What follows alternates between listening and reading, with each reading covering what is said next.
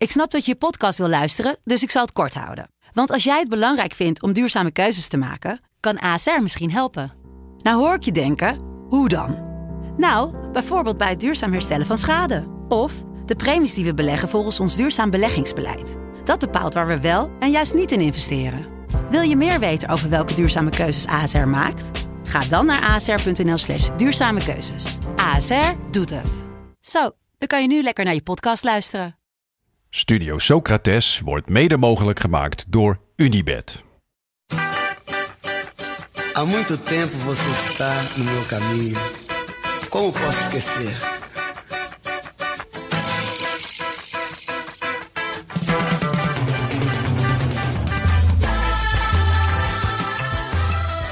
Welkom bij Studio Socrates, een podcast over alles wat voetbal mooi maakt. Beleza é você, menina. Eindelijk weer op vrijdag. Hè. Ja, het, het spijt ons, lieve luisteraars. We waren er eh, eventjes niet.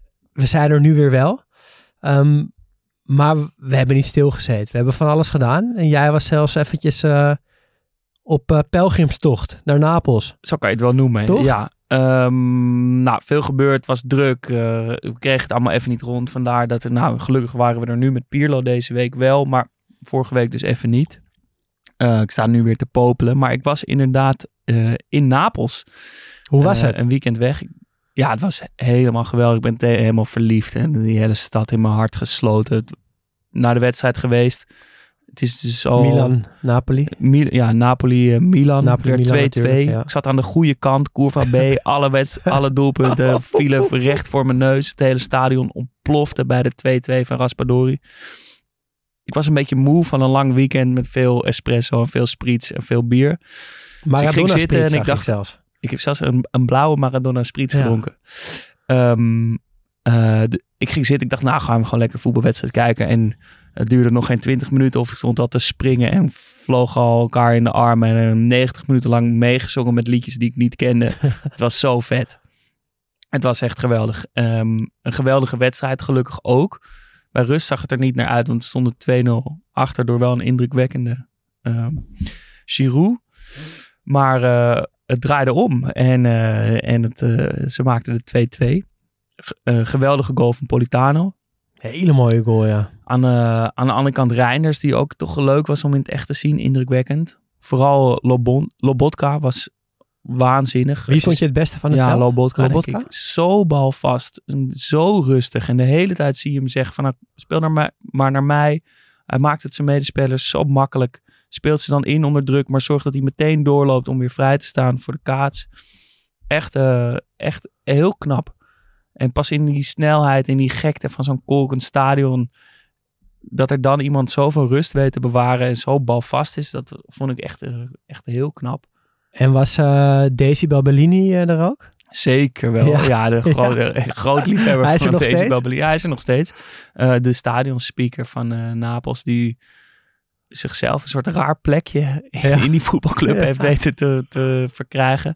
Begon met een klein YouTube-kanaal en nu is hij volgens mij wel een beetje een beroemdheid geworden.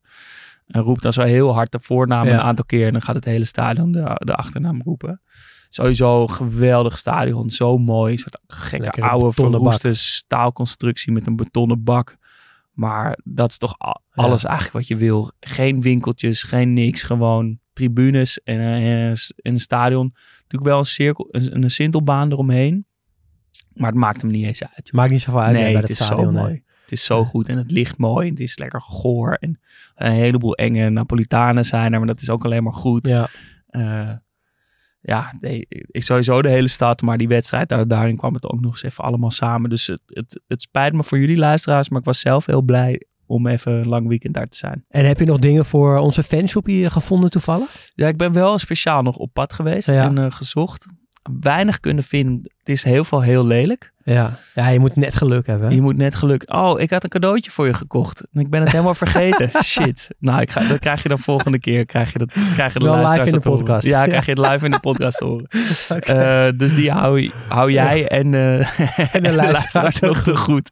Ehm, Eh, maar alles was gewoon heel lelijk en plastic en nieuw. Maar dat daar klopt het wel. Ja. Maar als je dat dan meeneemt, Nee, dat moet je niet uit die context niet, halen. nee, dat moet je niet willen. Nee. Eh, dus we zoeken lekker door op Vindt het.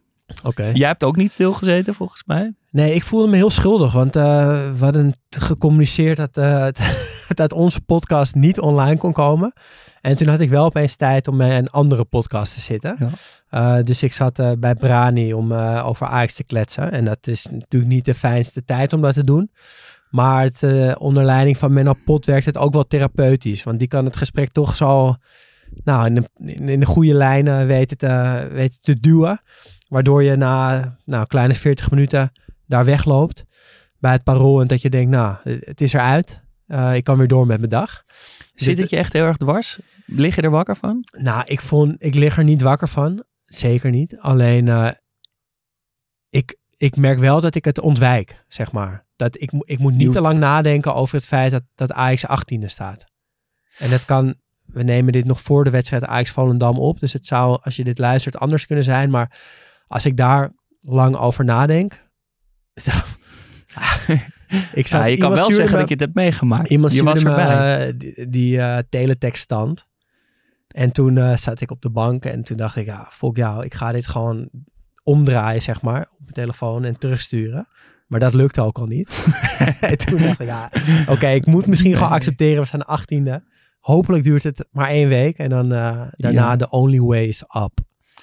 ja. Ja, ik durf er niks verstandigs over te zeggen. is extra knap dat jij dat bij, bij Brani wel Ja. hebt gedaan. En wat ook eh, de wonde, eh, de pijn verzag, moet ik zeggen, is dat we Telstar mogen volgen. Ja, dan doen we natuurlijk vooral in deze vrijdag aflevering. Ja. Omdat we hulp krijgen van Mike Snoei. Ja, en eh, Telstar heeft weer gewonnen. Eén, nou weer, heeft gewoon gewonnen. 1-0 in de laatste minuut. Ik vind het zo fijn dat ze dat nu een beetje terugbetaald krijgen. Want in het begin was het natuurlijk de hele tijd pech. Nu hebben ze een beetje geluk. Maar het komt ze echt toe.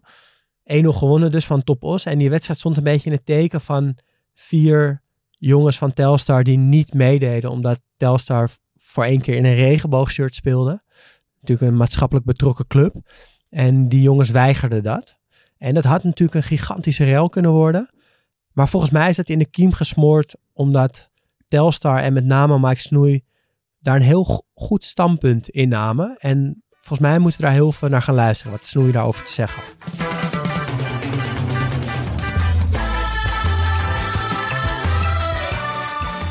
Een prachtig shirt. Ik zou het aantrekken, maar het zit dieper. Hè? Dus het heeft niet met eh, het shirt te maken. Dit zijn echt vier topgasten. Alleen, eh, die staan ook achter al deze eh, signalen, deze boodschappen van de regenboog. Maar eh, ze willen, eh, eh, eh, er, zi- zitten dingen tussen die ze niet willen promoten. Praktisch gezien missen wij vier hele goede spelers. Dat heeft gewoon sportieve gevolgen. Dat staat buiten kijf. En dat steekt deze vier jongens ook nog het meest. Ze laan voor hun gevoel toch een klein beetje hun maatjes in de steek.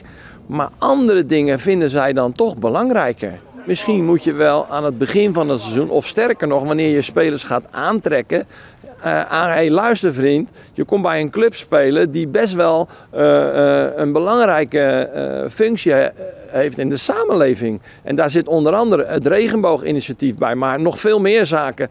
Wat heeft dit voor gevolgen voor die jongens? Niets. En dan zou jij zeggen van, wordt dat dan zomaar geaccepteerd? Nee, dan gooien we weer die boodschap in het water. De boodschap is juist tolerantie. En ik weet dat dat van twee kanten werkt. Maar laten wij dan het goede voorbeeld geven met de trainer voorop. Als we hier ook nog consequenties aangeven, dan respecteren wij dus niet dat wat zij hebben beslist. En dat respecteren wij. Daar zijn zij vrij in. Alleen dat we het jammer vinden, dat is logisch.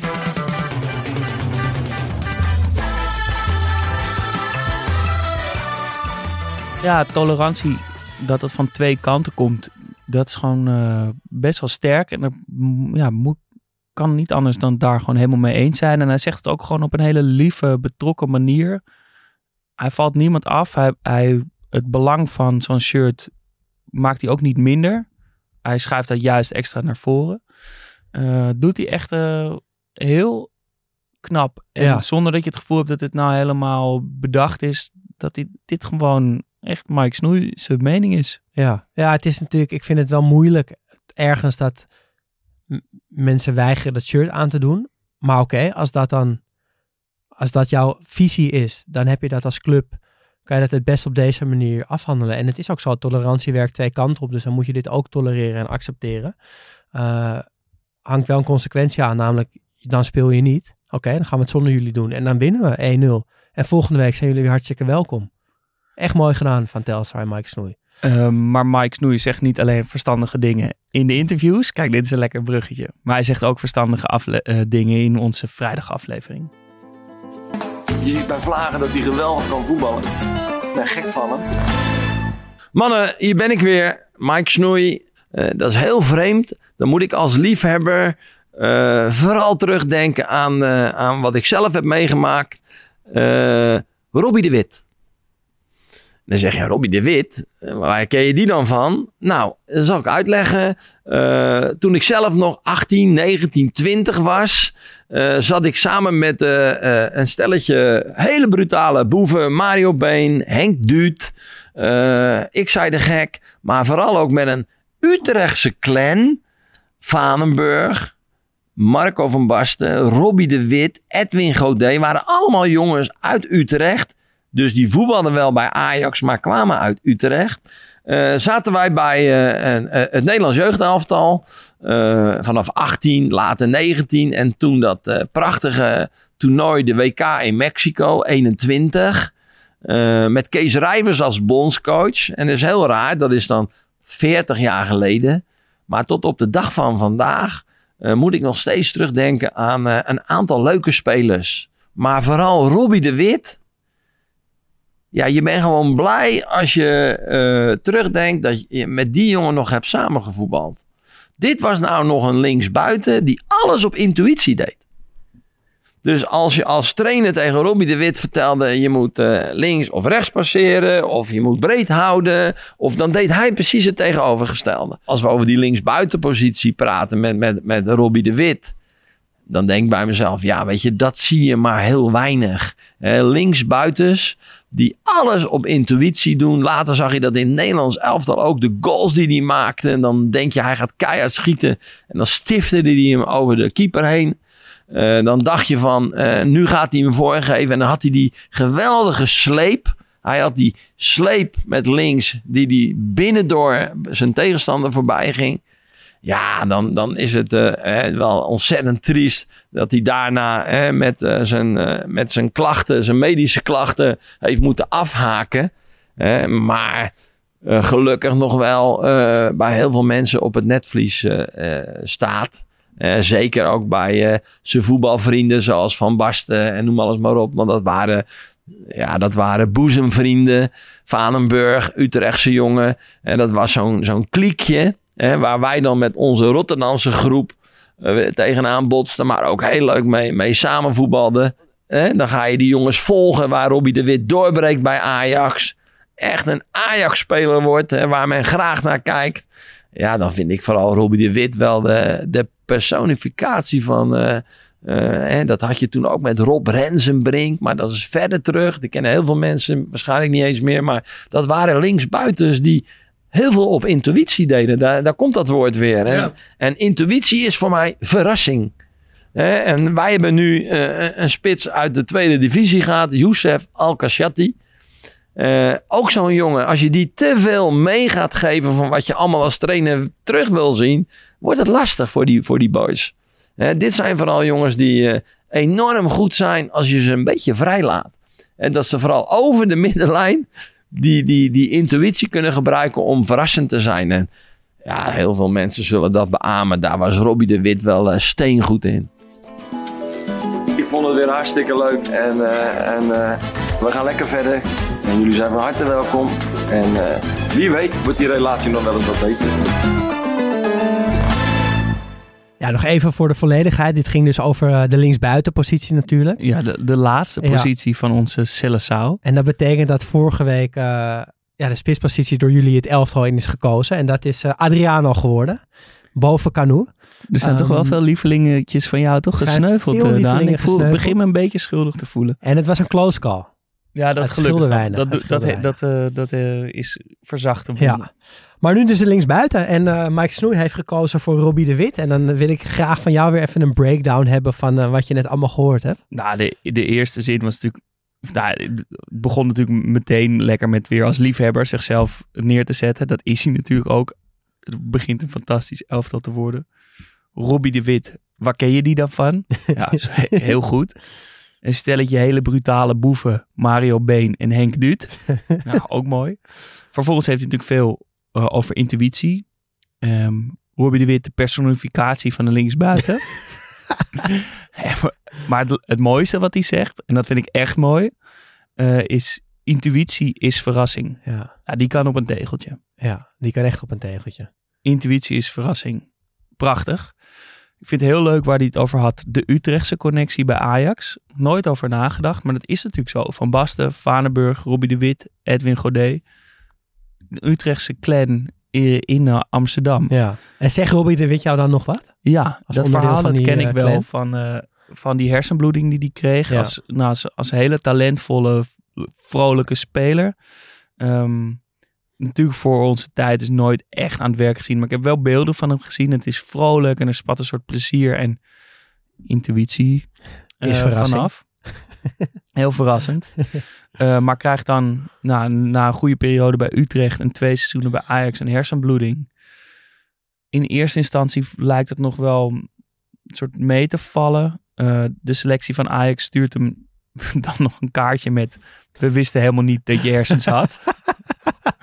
Wat natuurlijk echt een hele goede Ja, voetbalhumor goede is. voetbalhumor. Maar, ik ehm, hoorde het uit andersom, dat Robbie de Witte altijd eh, later nog dan te- tegen Van Basten zijn enkel eh, trapte. Ehm, maar ja, de motoriek was weg en er waren nog een soort laserbehandelingen, maar het lukte allemaal niet meer. Zijn praatvermogen ging natuurlijk ook achteruit. Ehm, maar ik denk wel dat als hij had doorgevoetbald, dat, dat zijn ster heel groot was geworden. Ja. Dat we hem allemaal hadden gekend. Eh, en dat het ook een speler was geweest die wij heel erg gewaardeerd hadden. Ja. Een echte Stokertest speler ook wel. Ja, dus dan is het mooi dat hij in het elftal van Snoeien terechtkomt. En ja, het, het elftal, tenminste het elftal is niet af, de basis is af. Ehm, en ja, ik kan hem nu eindelijk, kan ik de elf namen opnoemen. Pasveer in de goal, Dumfries, Israël, Martinez en Hartman in de verdediging. Schouten, Theo Jansen, Branko van der Bomen op het middenveld. En voorin Gelson Rodriguez, Marco van Basten en Robbie de Wit. Die Gelson Rodriguez keuze is ook nog beter Ja. nu die met Van Basten en Robbie Ja. de Wit voorin staat. Ja. ja, en ik zat zo te denken, kijk, elftal, we kunnen, we gaan helemaal niet tactisch over dit elftal hebben of het goed bij elkaar past, maar je, je, je ziet gewoon die namen, je voelt, je, ja, je leest het op en dan klopt het of het klopt niet, toch? Dat Ja. heb ik namelijk ook bij mijn eigen elftal, daar ben ik Maar- eigenlijk best kritisch op, op mijn eigen elftal, maar Van mij, die, die passen kloppen een stuk minder. Ja, maar ik vind alles klopt aan dit elftal, alleen Branko van de Bomen niet. Heb is een ik qua beetje de vreemde, vreemde een. Ja, dan ben ik Gewoon het wel op, mee dat hij op eens. 10 staat, het, ja, dat klopt toch niet. Het, het is gewoon geen nummer 10. Misschien ook omdat het niet zo slecht gaat met Ajax. Dat je een negatieve connotatie bij hem hebt of zo.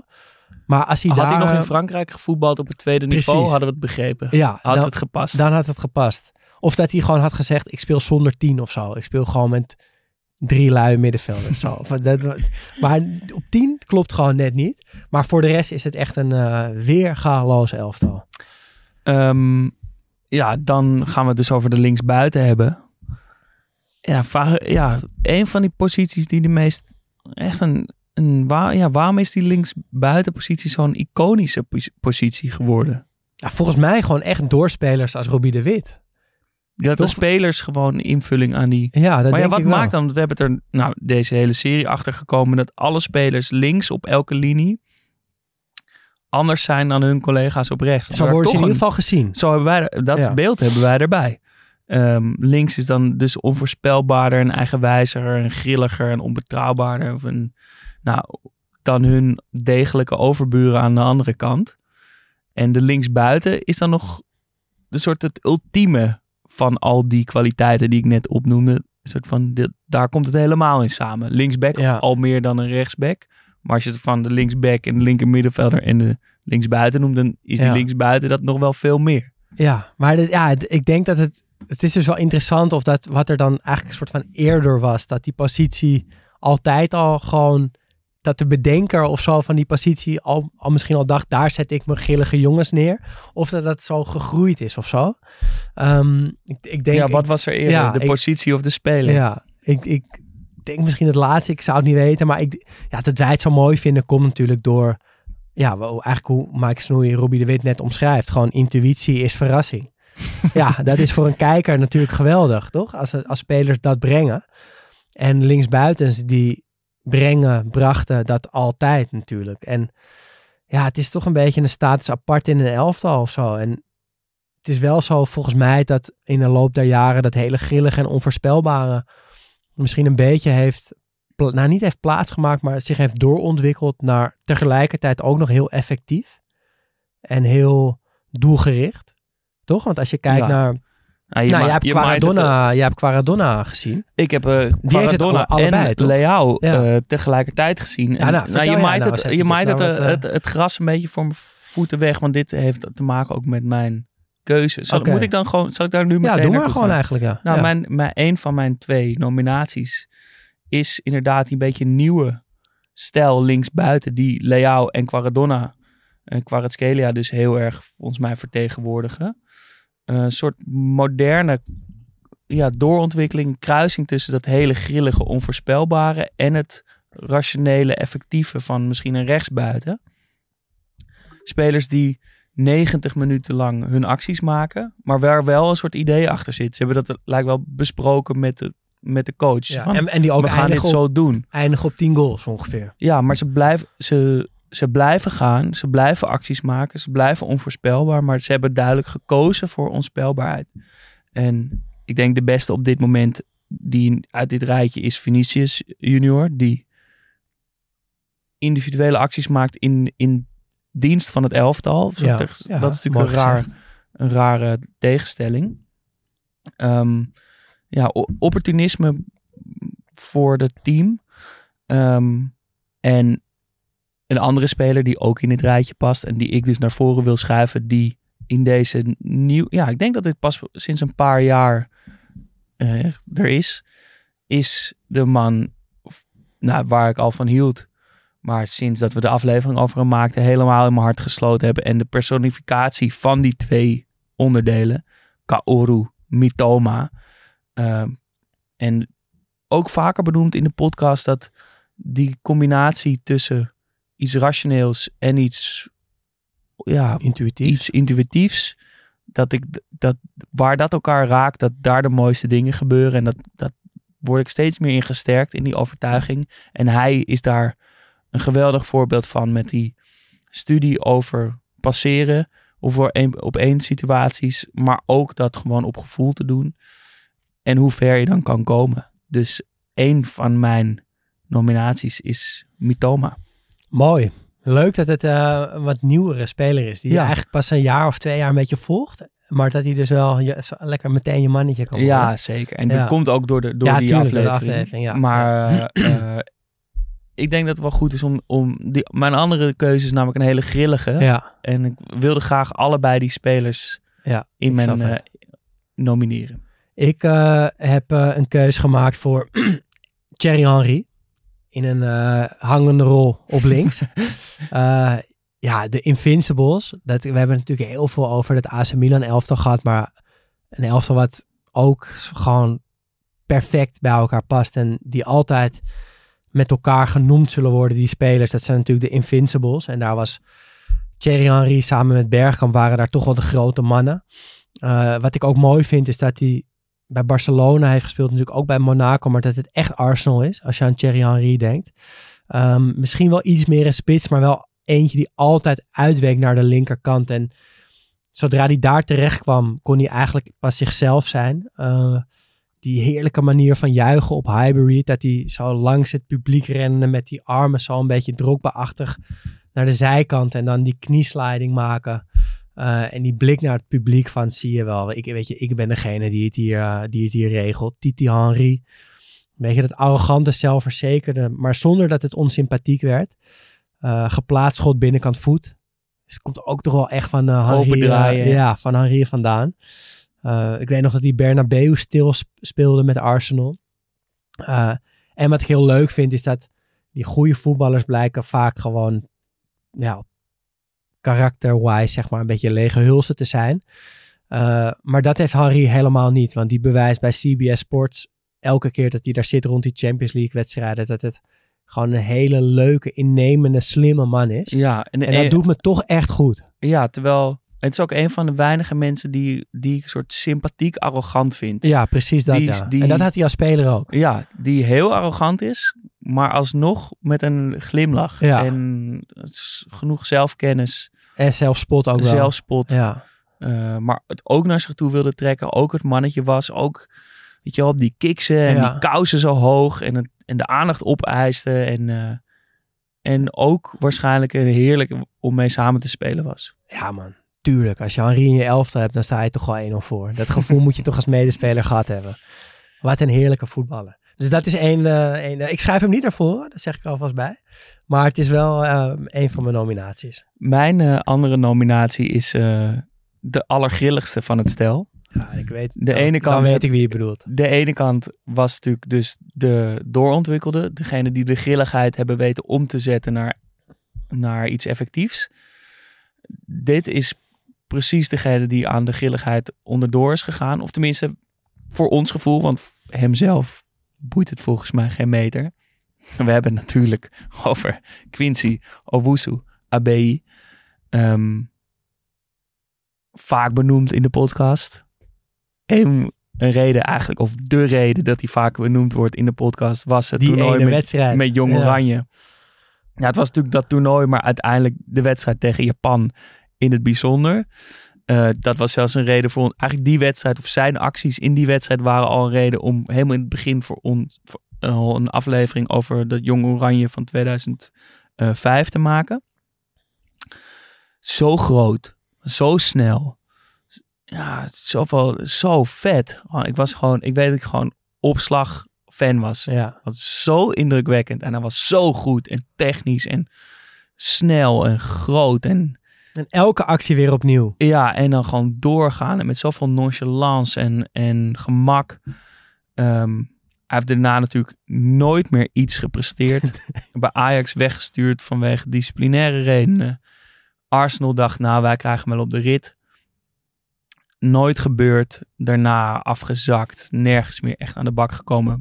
Boeit ook niet zoveel. Want blijkbaar kan een speler met een paar met één wedstrijd misschien wel zoveel indruk maken dat hij gewoon krediet heeft voor de rest van zijn leven. Ook al gebeurt er niks meer.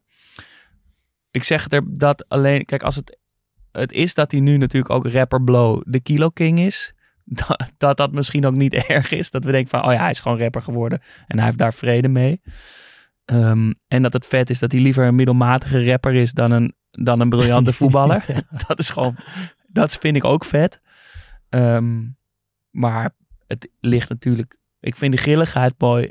Maar het komt vooral door die wedstrijden met Ja. Jong Oranje. Ja, dat... En ik schuif hem naar voren. Oké. Oeh. Geen eh mythoma, want Nee. ik weet Quincy Owusu bij hoort, ja, past meer in het elftal. Oké, nou, die, eh, die gaat het opnemen tegen David Neres. Eh, want die schrijf ik naar voren. Ehm, ik weet nog goed dat hij zijn basisdebuut maakte bij Ajax. Ik moest toen zelf voetballen tegen Jong Sparta. Dus ik miste die wedstrijd. Maar volgens mij had, was Ajax of een vroege wedstrijd... of speelden wij pas om kwart voor vijf. Dus er zat zo'n klein beetje overlap in. Eh, en toen zag, heb ik hem in eh, ja, een soort van kantine in het, op het kasteel... heb ik die wedstrijd zo met een half oog nog een beetje zitten kijken... voor, voor zover dat mogelijk was. Ehm, het werd 4-1. Eh Neres speelde helemaal niet goed, maar hij scoorde wel op aangeven van Ziyech. En ja, hij maakte zich met die goal eigenlijk meteen onsterfelijk. En niet omdat het een mooie goal was, maar de manier waarop hij juichte. ja, Want ja, hij, ja, hij, hij liep weg en hij, hij trok aan zijn eigen oorlel om zo, zo, ja, zo, zijn oor groter te maken of zo. Van, ja, ik wil, ik, wil jullie, ik wil jullie horen, handje achter die oor, om geluid vragen uit die arena. En uiteindelijk is dat gewoon een voorproefje geweest van de Neres die wij een aantal jaar in de arena hebben zien dartelen. Ehm, hij doet, ja, het, het, het soort van dat brani, dat stoere van Ajax, dat zit er heel erg in. Maar dan wel ondeugend en speels en met een lach en niet te en serieus. vertederend. Vertederend. Eh, blij, gezellig. Eh, en natuurlijk werd het ook een hele goede en effectieve voetballer. Maar het gaat me meer om ja, de herinneringen die hij me heeft gegeven. De lach die hij me heeft gegeven. Ajax PSV natuurlijk. eh, hoe hij met 10 tegen 11 de verlossende goal maakte. En zijn shirt uittrok.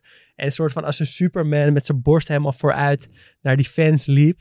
Een klap Ehm, kreeg van Tadic. Een klap kreeg van Tadic en toen over zijn eigen wang ging wrijven. Dat is ook zo'n mooi momentje. Die ogen, die beugel. Ja, ja, ja. En dan Real Madrid, Ajax natuurlijk. Dat staat in iedereen's geheugen gegrift. Het, ja, dat kleine eh stiekeme stiftje over Courtois, wat een doelpunt werd. Die akker achter stambeen tegen Carvajal. Al die dansjes na zijn goals. Eh, de manier waarop hij Tadic nadeed op het, eh, op het podium bij de viering op het Museumplein. Hoe die daar zo als een soort van gorilla Tadic zat na te doen. Het was zo grappig. Ehm, ja, die interviews in het coronajaar toen Ajax kampioen werd, dat hij met die fles champagne werd geïnterviewd en dat hij alleen maar kon roepen, dankjewel, dankjewel, Amsterdam, dankjewel. Oh nee, alsjeblieft riep hij trouwens, alsjeblieft, sorry, hij riep alsjeblieft. Ehm, ja, er is gewoon geen voetballer, en dat, dat meen ik denk ik serieus, die me vrolijker maakt dan David Neres. Eh, en ik zat te zoeken, Ajax TV heeft ooit toen hij wegging een compilatie gemaakt van alles wat soort van niet voetbal gerelateerd was aan Neres. Dus al die dingetjes op de training, dat hij weer bij iemand water in zijn gezicht eh, spoot. Dat hij weer opeens ging dansen als de camera langskwam. Of dat hij iemand een tik gaf terwijl hij niet oplette. Gewoon al die grappige momenten. En toen dacht ik, dit is, als ik ooit down ben in mijn leven, ga ik gewoon dit filmpje kijken. Eh, gelukkig is dat moment eh, is nog niet aangebroken, maar ik zocht het voor deze podcast. Ik kon hem niet vinden, helaas. Ehm, maar Neres, gewoon de meest gezellige voetballer op aarde. Die schrijf ik naar voren toe. Het is wel een mooi betoog. Ja, Ergens, ik bedoel, ik hoop dat Quincy in het, in het elftal komt, maar ik, ik gun het jou wel dat er nu eindelijk eh, een mannetje van jou Neres, eh, erin komt. Ja. Eh, dat is aan jullie dus om Ja. te stemmen. We doen een poll op Instagram vanmiddag of morgenochtend. Ligt er een beetje aan hoe scherp we zijn of hoeveel zin we in het weekend hebben. Ehm, aan jullie dus eh, de keus. Eh, Neres tegen Owusu, Ja. ABI. Ehm, dan nog heel even om af te sluiten. De irritantste linksbuiten. Ja, ik zou op dit moment Bergwijn willen zeggen, maar dat neem ik ook gelijk weer terug, want eh, ik moet eh, achter mijn mannen blijven staan. Dus eh, ja, Ja, wie, ik- wie dan? Wie, Ik vind het bij die linksbuitens ook moeilijk. Want je zou zeggen Neymar, maar die is te goed om... Die mag irritant zijn, ja, omdat hij zo goed is. Cristiano Ronaldo geldt beetje hetzelfde voor. verhaal voor ja. Kwam er niet uit. Oké, nou dat is ook goed. En eindigen we positief, zonder Ja. irritante linksbuiten.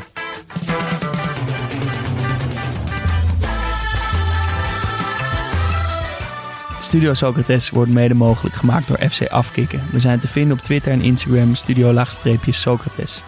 En op vriendvandeshow.nl slash Studio Socrates kun je ons steunen voor 2,50 euro per maand. En maak je elke week kans op een product uit onze eigen fanshoppie. Ja, dus doe dat. Word vriend van de show. En over die fanshop gesproken, eh, daar komt een website aan. Dat is misschien nog wel leuk voor jullie om te weten. Eh, dan gaan we daar alle producten die we, die we verkopen, gaan we lekker daarop stallen. En dan wordt Instagram gewoon een mooi uithangbord. Dus volg fanshopie als je dat nog niet doet. En eh, nou, volg Studio Socrates natuurlijk ook. En je kan ons ook nog mailen. studiosocratespodcast.gmail.com als je dat zou willen. Ehm, dan zijn wij er eh, woensdag weer, hè? Ja, tot woensdag.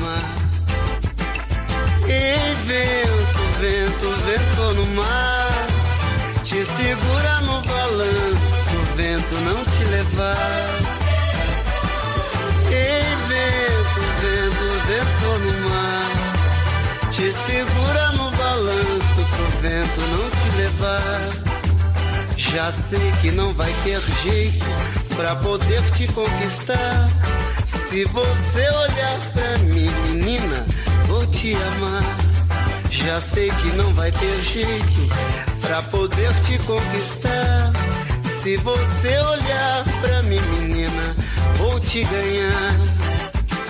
Ei, vento, vento, vento no mar. Te segura no balanço vento não te levar. Ei, vento, vento, vento no mar. Te segura no balanço pro vento não te levar. Como posso te esquecer? Não tem jeito.